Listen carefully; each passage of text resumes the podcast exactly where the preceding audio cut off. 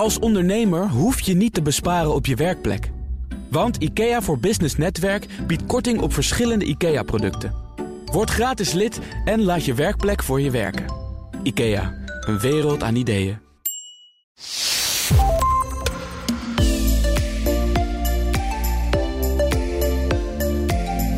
Manipulatie, beïnvloeding en desinformatie zijn van alle tijden. Tegenwoordig is het gemakkelijker en geloofwaardiger dan ooit tevoren. De grote uitdaging is nu: hoe onderscheiden we echt nieuws van fake nieuws en hoe kunnen we controle houden over deze informatiesamenleving nu AI nog meer mogelijk maakt? Sander Duivenstein, onze gast van vandaag in de Werkprofessor podcast, schreef samen met Menno van Doorn en Thijs Pepping het boek Echt Nep. Spelen met de realiteit in tijden van AI deepfakes en de metaverse. Sander onderzoekt de impact van digitale technologie op mensen, bedrijven en onze maatschappij. Welkom Sander. Ja, dankjewel. Fijn dat je hier bent. Eh, je spreekt ongeveer zes keer per week over dit onderwerp, begreep ik. En ik vraag me steeds af, waarom hebben mensen de behoefte om te spelen met de realiteit en fake nieuws te verspreiden? Uh, dat heeft te maken met de aard van het beestje. Uh, mensen zijn van oudsher verhalenvertellers. En dan ga ik heel ver terug in de tijd. In de grotten waar we vroeger woonden vinden we ook al uh, ja, muurschilderingen terug. Dat was onze allereerste manier om ja, de realiteit handen en voeten te geven, maar ook om verhalen te vertellen. En we hebben voortdurend technologie gebruikt, media gebruikt, om steeds mooiere verhalen te vertellen en eigenlijk ook met elkaar in verbinding te blijven. En ja, nepnieuws maakt daar onderdeel van uit. Ja, nou is het probleem natuurlijk op het moment dat nepnieuws steeds moeilijker te onderscheiden is en ook steeds makkelijker te genereren is. En zelfs op zo'n manier dat het, uh, ja, je, je ziet iemand spreken met de mondbewegingen precies op hetzelfde moment, maar met een hele andere tekst dan diegene ook daadwerkelijk heeft uitgesproken. In hoeverre hebben jullie onderzoek naar fake nieuws en ja, hoe we ons daartegen kunnen weren? Nou ja, weet je, we, hebben, we zijn ongeveer gestart sinds 2016 al met het onderzoek. En pas in 2021 gepubliceerd. Uh, we werden een beetje met de neus op de feiten gedrukt uh, door onder andere Donald Trump. Uh, met zijn post-troef verhalen en zijn alternatieve feiten. Dat was een beetje het zaadje wat we destijds ja, in ons hoofd werd geplant. En vervolgens zagen het inderdaad over de rug van technologie exploderen. Maar ja, nepnieuws, het heeft altijd een hele uh, negatieve bijsmaak. Het ligt natuurlijk heel erg aan de intentie uh, van de gebruiker of van de maker. Niet iedereen heeft in de gaten dat hij altijd iets uh, foutiefs aan het verspreiden is. Dus je hebt des, disinformatie en je hebt misinformatie. En misinformatie, dan is het echt met goede bedoelingen gemaakt. We zitten er gewoon fout in en gaan uiteindelijk andere mensen ermee aan de haal. En prediken het als zijnde de waarheid.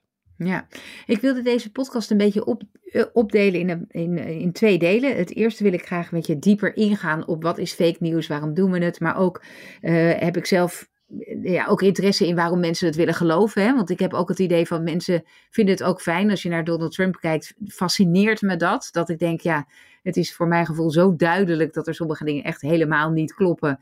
En waarom willen we dat dan toch met elkaar geloven? Of, of maakt het ons niet zoveel uit? En het tweede deel wil ik eigenlijk veel meer focussen op, nou, wat is de impact daarvan op bedrijven? En wat moeten we doen om uh, daar zelf zo min mogelijk een negatieve impact van te hebben. Dus eerst even op, op dat element gewoon van het fenomeen fake news. Dus je zei net al van, uh, ja, het is niet altijd met de intentie om fake news te beschrijven, maar laten we even pakken, het is wel de intentie en je verspreidt fake news. Nou zou je kunnen zeggen, dat is ook gewoon hele goede reclame. Wat maakt het uit? Hè? In de reclame staat ook zoveel wat niet waar is. Nou ja, je hebt, je hebt natuurlijk verschillende vormen van, uh, van nepnieuws. Uh, in het boek noemen we er geloof ik zes, uh, waaronder satire. En we eindigen zelfs met propaganda. Dus er zit een hele scala aan dimensies zit ertussen. Maar ja, nepnieuws zoals we het momenteel kennen, dat heeft echt dat, dat post-troef smaakje aan zich. En het heeft heel erg te maken met de verkokering, de digitale verzuiling waarin we in zitten. En die nog ja, eens een en, en nog even dat, wat, wat post-truth is. Kan je dat nog even... Nou, Postgroef is op een gegeven moment ook woord van het jaar geweest. Hè? Dat, is, dat, werd, werd, dat kwam in zwang toen uh, Donald Trump op het punt stond uh, president te worden. Uh, toen kwamen we eigenlijk in aanraking met iemand die digitale media, sociale media heel erg goed kon inzetten om zijn eigen verhaal te verkondigen. En dat was doorspekt met, met leugens, met fictie, geen feiten. En dat werd gewoon voor zoete koek aangenomen door een hele grote groep mensen. Het en waarom doen we dat? Waarom nemen we dat voor zoete koken? Want er moet dus iets, een voordeel in zitten om dat te willen geloven. Nou ja, je behoort tot een bepaalde groep. En als binnen jouw groep daar een enorm charismatische leider op staat die de waarheid vertolkt, dan willen mensen, of dan neigen mensen erin te gaan geloven. En dat maakt het ook zo makkelijk weer en ook af en toe zo gevaarlijk om dit soort dingen te verspreiden. En schat, ja, onderschat ook niet nog eens een keer de werking van de algoritmes van sociale media. Mensen zitten al in een soort van digitale echoput. Uh, daarin wordt voortdurend hun eigen geluid in versterkt. En als dan iemand, uh, noem maar, maar even uh, hun held, ja, precies aansluit bij hun gedachten en behoeftes, ja, dan worden ze echt die digitale echoput ingetrokken. wordt ook wel eens een keer de fabeltjesfuik genoemd. Ja, precies. Ja, dat, dat kwam Arjen Lubach daar niet mee in zijn ja, zondagshow. Dat was, dat was ja. zijn woord, ja. Ja, een geweldig, geweldig hoe het uh, visualiseert ook hoe dat dan werkt uiteindelijk. Wat was jouw reden om in dit onderwerp je zo te verdiepen? Ik was heel erg gefascineerd destijds door uh, deepfakes. Dat je met kunstmatige intelligentie geluid, beeld van mensen af kon knippen en op lichamen van anderen kon plakken. En toen zag ik pas echt van, uh, dit gaat een enorme vlucht nemen. Dit wordt straks heel makkelijk via de smartphone. Kun je er gewoon swipen en kun je eigenlijk iemand in elkaar knutselen. En alles laten doen wat jij maar wil. En daar zag ik aan de ene kant meteen voordelen in, maar ook ja, hele grote gevaren. Gaan we daar uh, beter in worden om te onderscheiden wat dan echt is en wat niet? Ja, daar verschillende meningen over. Aan de ene kant zie je dat het onderscheid tussen echt en nep steeds vloeibaarder wordt. Dat het eigenlijk bijna niet meer mogelijk is om onderscheid tussen te maken. Je kunt eigenlijk je oren en ogen uh, niet meer vertrouwen wordt steeds lastiger. En aan de andere kant zie je dat de technologie uh, wordt ontwikkeld die het mogelijk maakt om dit soort content te voorzien van een digitaal watermerk. Dus dat je altijd kunt trekken en tracen uh, waar iets vandaan komt en wie het gemaakt heeft. Maar het is een soort uh, kat-en-muisspel. aan de ene kant zie je een hele grote groep mensen dit soort dingen ontwikkelen om mensen voor de gek te houden. En ook om af en toe kwaad mee te doen. En aan de andere kant zie je dus ook weer een grote groep mensen die juist probeert die leugen te ontmaskeren. Zou het ook zo kunnen zijn dat als ik spijt heb van uitspraken die ik heb gedaan online, dat ik kan zeggen zo direct, ja, maar dat was ik helemaal niet, dat was iemand anders? Ja, dat is uh, een bekend fenomeen. Dat wordt door experts de liar's dividend genoemd. Uh, dat de leugen het eigenlijk altijd wint van de waarheid. En als je op een gegeven moment zo'n situatie gecreëerd hebt, ja, dat de leugen een vlucht neemt. Dat je inderdaad maar kan roepen van ja, het is niet meer waar. Of dat heb ik nooit gezegd. Of dat heb ik nooit gedaan. Uh, mensen krijgen een soort van realiteitsapathie. Het maakt ze dan niet meer uit. En dan vreten ze alles voor zoete koek. En dan kun je inderdaad ook altijd alles zeggen. En dan komt de leugenaar ermee weg. En als jij nou kijkt naar de, naar de toekomst van deepfake, dit, dit wordt gewoon allemaal steeds beter natuurlijk. waar zie je het naartoe gaan? Wat is, wat is jouw toekomstbeeld? Nou, ik vind heel interessant wat momenteel zien uh, generatieve AI. Dus heb ik het over ChatGPT, heb ik het over uh, DALI, uh, Midjourney, Stable Diffusion. Dus taal- en beeldgeneratoren. Waarmee het mogelijk is om zelf met behulp van kunstmatige intelligentie tekst, beeld, video of geluid te creëren. En het interessante daaraan is, als je een beetje kijkt naar de evolutie van media, uh, komen we nu een beetje uit een tijdperk waarbij mensen op basis van hun passies en interesses dingen bekijken of dingen lezen. Denk bijvoorbeeld aan het algoritme van TikTok, dat jou voortdurend filmpjes uitserveert waarin jij geïnteresseerd bent. Het is een op maat gesneden ja, filmpjes die achter elkaar worden geplakt om jou met te plezieren. En nu ga je naar een tijdperk toe waarbij je dus dingen real-time voor je kunt laten genereren. En dat kan bijvoorbeeld zijn een Spotify-nummer wat origineel gezongen is door Ed maar nu wordt ingezongen door eh, de overleden Michael Jackson. Of het is de serie Breaking Bad, waarin de hoofdacteur opeens Nicolas Cage is of nog iemand anders. En dat maakt het ook zo interessant. En er was laatst nog iemand, uh, een talkshow-host, Trevor Noah. Die had een heel mooie podcast ook, ook gemaakt, waarin hij, waarin hij het hierover had. En die stelde zich voor een klas met 30 leerlingen. Uh, waar voor één leraar staat. En dan maak je gewoon mee dat niet iedere leerling mee kan komen. Je hebt vijf hele slimme kindjes, je hebt een aantal de middenmoot en je hebt de minder begaafde kinderen. En de leraar heeft gewoon niet genoeg tijd om alle dertig naar hetzelfde niveau te trekken. Maar als je nu gebruik kan maken van generatieve kunstmatige intelligentie, eh, die precies weet wie je bent, ja, wat je intellect is en waar je tekort schiet en waar je geholpen kan worden, dan kan AI uh, jou de mogelijkheid geven om eigenlijk op hetzelfde niveau als de rest van de klas te komen. Dat vond ik wel een hele mooie boodschap. Ja, en vooral online kan dat nu al heel goed. Hè? Dat je precies kan zien waar uh, leerlingen stilvallen of waar ze langzamer erover doen dan hun klasgenootjes om bepaald, tot bepaalde antwoorden te komen.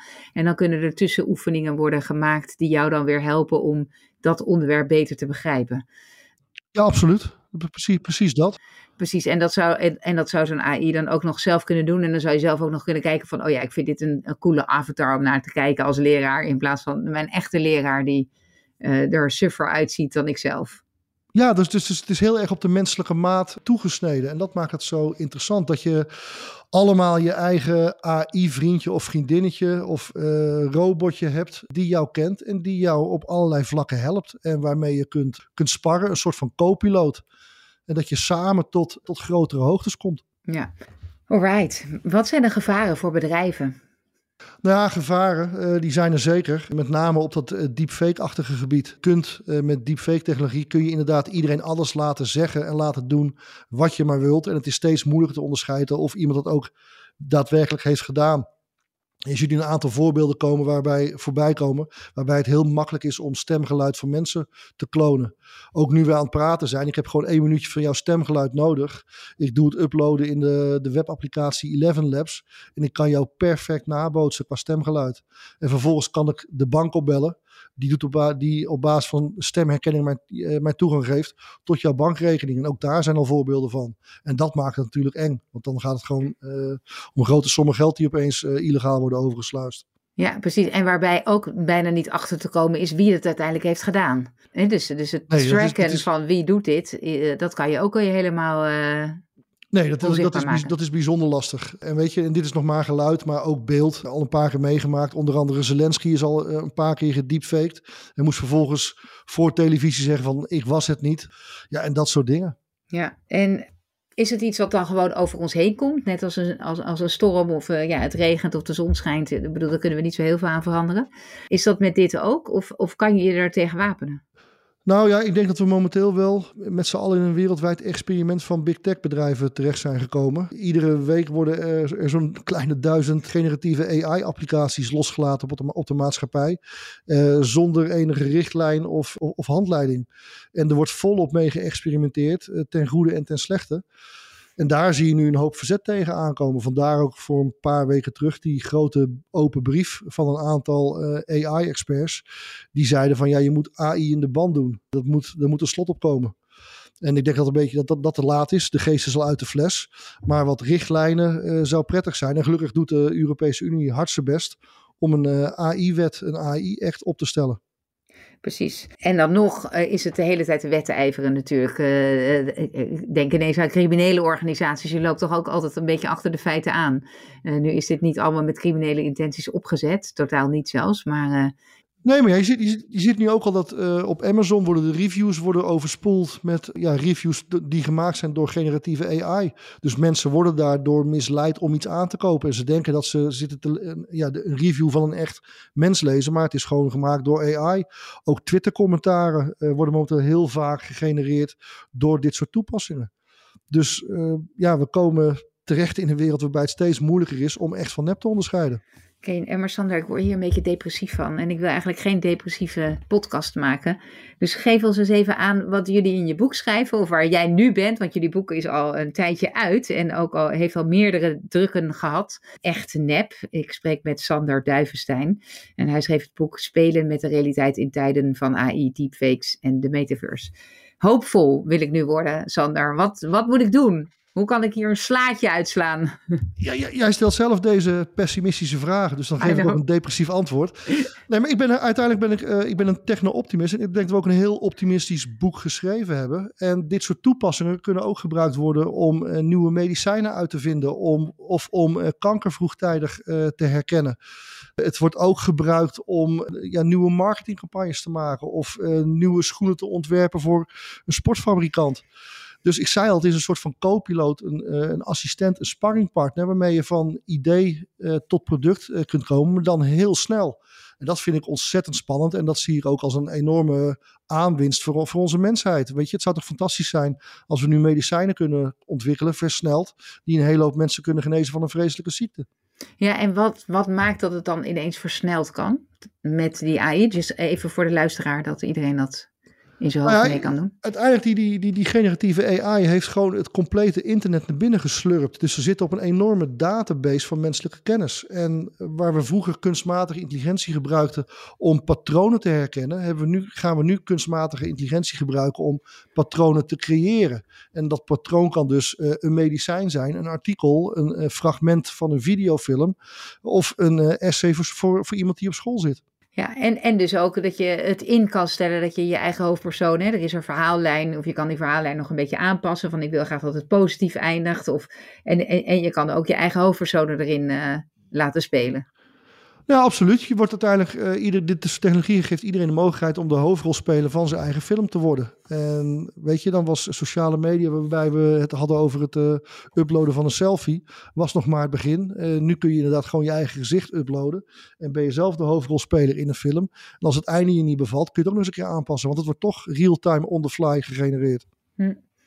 Hoe erg is het eigenlijk dat we hè, het begrip begin met een realiteit. negatieve vraag. Ja, ja, je, precies. met, met hoe erg is het?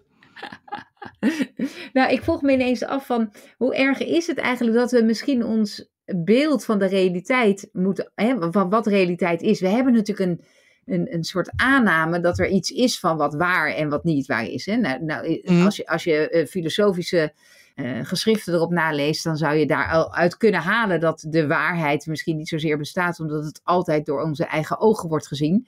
En je zou kunnen zeggen dat dit misschien nog een verdere doorvoering is van het feit dat ja, echt de waarheid eh, duidelijk maken, dat dat misschien steeds lastiger wordt. Aan de andere kant misschien ook steeds duidelijker, juist omdat je zoveel data kan genereren en analyseren, veel meer dan vroeger, waardoor je misschien nog wel in staat bent om juist beter de waarheid te simuleren. Dus ik zit gewoon een beetje te zoeken van, Tegenwoordig is de waarheid toch maar een mening. Dus dat maakt allemaal niet meer uit. En dat, noem ik, dat bedoel ik heel cynisch.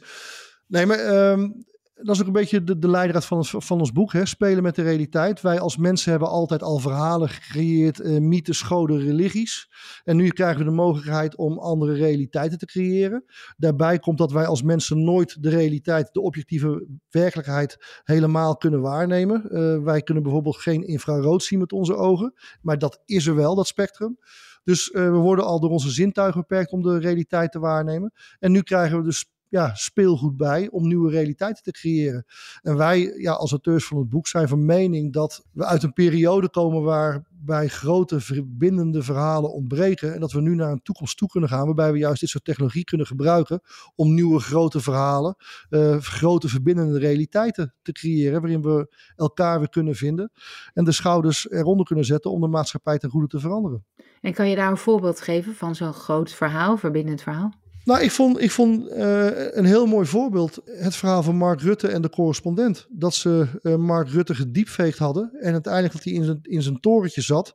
En eh, een, ja, een, ik geloof tien minuten lang durende oproep, oproep eh, hield voor het volk om de schouders onder het klimaat eh, te zetten. En dat had hij nog nooit zo gedaan. En je kunt de vragen bestellen, had een krant dit moeten doen, ja of nee? Maar ik vind dit juist een voorbeeld van luister. Eh, we kunnen dus inderdaad toch een andere realiteit creëren, waarbij we toch proberen de neus dezelfde kant op te krijgen. Er is ook een, een applicatie, die vind ik ook heel fascinerend. Die heet Traveling While Black. En daarbij zet je een virtuele bril op. En dan word je eh, als het ware geteleporteerd naar het, de jaren 60 in Amerika. En dan heb je een donkere huidskleur. En dan stap je een bus in. En dan word je verplicht achterin te gaan zitten. Terwijl de blanke eh, mensen voorin zitten. Nou, dat geeft je een heel naar gevoel. En dat gevoel zou ik nooit. Ja, ik heb eh, een blanke huidskleur. Ik zou dat normaal nooit. ja, ik kan me er nooit mee inleven. Eh, en nu geeft dit soort tools je wel de mogelijkheid om je juist in, in de medemens in te leven. En dat geeft dus ook weer mogelijkheden om ervoor te zorgen dat als je de medemens beter begrijpt, dan kunnen we ook de problemen gezamenlijk beter overkomen. Ja, dus het, zou, eh, het, het, het lijkt nu alsof we steeds meer gepolariseerd raken. Juist ook door social media. Maar jij zegt het zou ook kunnen dat dit juist weer een verbindende factor zou kunnen worden. Nou, wat ons betreft wel. Daar maken wij ons heel sterk voor, eh, ook in het laat- laatste hoofdstuk. En dan, eh, ja, dat gaat speciaal over herstelverhalen. Dat we verhalen nodig hebben die de problemen met onze maatschappij herstellen. En technologie kan daarbij de helpende hand bieden. Ja, en, en kun je dat dan ook als je nu in de auto zit of je loopt op straat en je luistert dit of je zit op de fiets. ehm, kan iemand die nu dit luistert ook daaraan bijdragen? Nou, absoluut. Want uh, de tools die dus nu beschikbaar komen, een ChatGPT, een Midjourney, uh, virtuele, virtuele realiteit via een bril. Het zijn allemaal bijna gratis toepassingen en gratis. Uh, Zo'n bril kost 500 euro om te kopen. maar ook dat is nog wel te overzien. Maar ga eens op TikTok. Ga daar eens mee spelen. Ga eens kijken hoe het algoritme ja, de, de films aanpast aan jouw behoeftes. Ga daar eens van leren.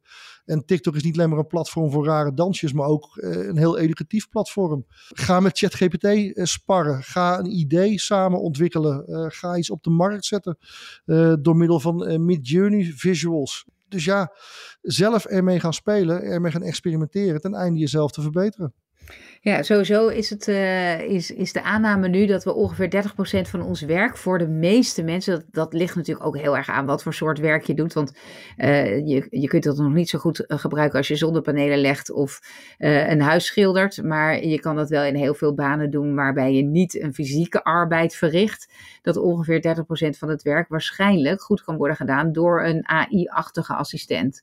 Dus daarnaar kijken van wat, welk, welk onderdeel van mijn werk zou kunnen worden gedaan door anderen, waardoor ik tijd heb om juist uh, ja, werk te doen waar ik uh, me in wil verdiepen. Of bijvoorbeeld op deze technologieën weer meer in te zetten. Uh, daar zou je dan tijd voor kunnen krijgen. Dus dat is heel interessant om daar naar te kijken voor jezelf. Is er nog iets, een inzicht wat je nadat je dit boek hebt geschreven bent tegengekomen waarvan je denkt, oh, hadden we dat nog maar kunnen opnemen erin? Ik moet nu natuurlijk nee zeggen. Um, nou ja, nee, volgens mij is dit een proces wat altijd doorgaat, toch? Dat is onmogelijk. Nou, we hebben wel, we zijn, ik, Thijs en Menno, dus de twee andere auteurs, we spreken wel voortdurend onze verbazing uit over hoe snel dit nu gaat. We hebben, uh, dit boek hebben we dus in oktober 21 op de markt gezet.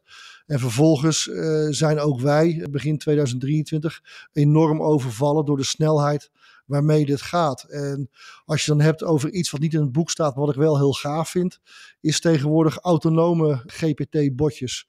Dus je stelt een vraag aan een variant van ChatGPT, bijvoorbeeld AutoGPT of BabyGPT. En die gaat vervolgens zelfstandig proberen om jouw probleem op te lossen. En ik heb dat laatst een keer gedaan, heb ik gevraagd van kun je mij vertellen of Atlantis bestaan heeft? En dan pakt zo'n ja, autonome GPT pakt dat vraagstuk op. Dat gaat hij in kleine onderdelen zelf uitsplitsen. En de, ja, de deeltaakjes gaat hij uitzetten weer bij andere botjes. En die gaan weer voor hem het onderzoek doen. En uiteindelijk komt hij met een heel groot verslag terug. Waarin hij uit het doek uh, doet uh, of Atlantis bestaan heeft. En waar het dan gelegen zou moeten hebben. Ja, dat vond ik zo fascinerend om gewoon naar te kijken. Hoe beredeneerd wordt. Uh, hoe ze zo'n vraagstuk oplossen. Ja, dat vind ik enorm krachtig. Ja. En dat, dat, dat hele zelfstandige karakter van deze van kunstmatige intelligentie. Daar hebben wij in het boek uh, nog niet bij stilstaan. Ik vind het ook fascinerend dat het ook een beetje een, ja, hoe zeg je dat, het logische nadenken. Hè? Van hoe breek je dan een taak op in verschillende stappen? En welke stappen moet je aflopen om tot een goed antwoord te komen? Dat dat iets is waar uh, veel mensen moeite mee hebben om dat goed te doen. Uh, maar dat we daar ook van zouden kunnen leren hoe die bots dat doen. Hè? Dus als je daar goed naar kijkt, dat je daar misschien zelf ook ja, weer beter in wordt van hoe onderzoek ik eigenlijk dingen. Nou, maar dat, dat, zie je, dat zie je ook heel erg momenteel gebeuren met, met programmeren. Uh, dat met name ontwikkelaars, softwareontwikkelaars, uh, samen met uh, ja, ChatGPT-achtige toepassingen tot betere programmeerstukken, tot betere code komen. En ook nog eens een keer sneller. En daar zie je dat, weet je, ook ja, de, de mens leert weer van, van het apparaat wat dat betreft. Dus ook dat zie ik als een enorme verbetering en een hele mooie toepassing. Ja. Wat zou voor jou, we moeten alweer bijna naar de afronding van uh, uh, deze podcast. Wat zou voor jou de belangrijkste boodschap zijn voor ondernemers? Ja, de belangrijkste boodschap is toch: ga er alsjeblieft zelf mee aan de slag. We worden, als je het niet doet, je wordt gewoon aan alle kanten ingehaald. En dat moet je zien te voorkomen. En natuurlijk kun je niet op alles concentreren. Uh, dat, dat is onmogelijk. Er gebeurt ook zo enorm veel. Maar als je dit soort grote bewegingen hoort van een ChatGPT of een Midjourney of virtuele realiteit, uh, dan zul je erin moeten verdiepen. Uh, of in ieder geval een aantal mensen binnen jouw bedrijf. Want ik, ik heb nog nooit in mijn leven, en ik zit nu zo'n 26 jaar, zit ik, ja, werk ik voor Society Capgemini. Ik heb nog nooit een tijdperk meegemaakt wat zo in de, ja, de allerhoogste versnelling zit. Dus wat dat betreft, ik ben ja, meer dan aangenaam verrast. En daar moet je gewoon mee aan de slag. Oké, we zullen alle links die je hebt uh, gegeven, of in ieder geval alle namen die je hebt genoemd, zullen we even in de show notes uh, proberen te verzamelen. Uh, zodat mensen daar in ieder geval mee kunnen beginnen. Ik zou me kunnen voorstellen dat het ook belangrijk is dat inderdaad je het meeneemt, meeneemt van meer mensen in je bedrijf. Als je met meerdere mensen werkt, dat je misschien met één of met twee anderen zegt van wij gaan het met elkaar een beetje uitzoeken. Want dan inspireer je ook elkaar hè, daarop van hé, hey, lees dit eens of lees dat eens. Dat helpt misschien ook. Ik ga daar zelf ook veel meer over publiceren. We zijn er zelf ook mee bezig. Dus uh, uh, ze kunnen misschien ook jou of mij volgen op LinkedIn. Dan, uh, dan krijgen we dat ook automatisch te zien. En ze moeten natuurlijk beginnen met het lezen van jouw boek Echt Nep. Dankjewel Sander voor het delen van al je ervaringen. Graag gedaan. Voor de luisteraar, mocht je opmerkingen hebben of ideeën, suggesties voor sprekers, laat het me weten op wendy apenstaartje vpeople.com en V schrijf je met V-I-E. Dankjewel, tot de volgende keer.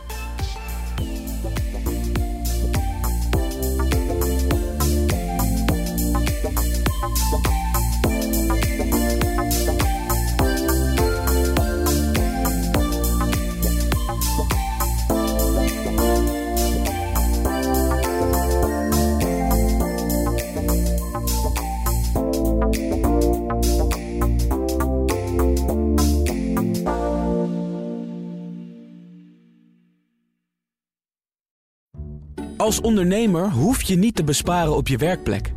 Want IKEA voor Business Netwerk biedt korting op verschillende IKEA-producten.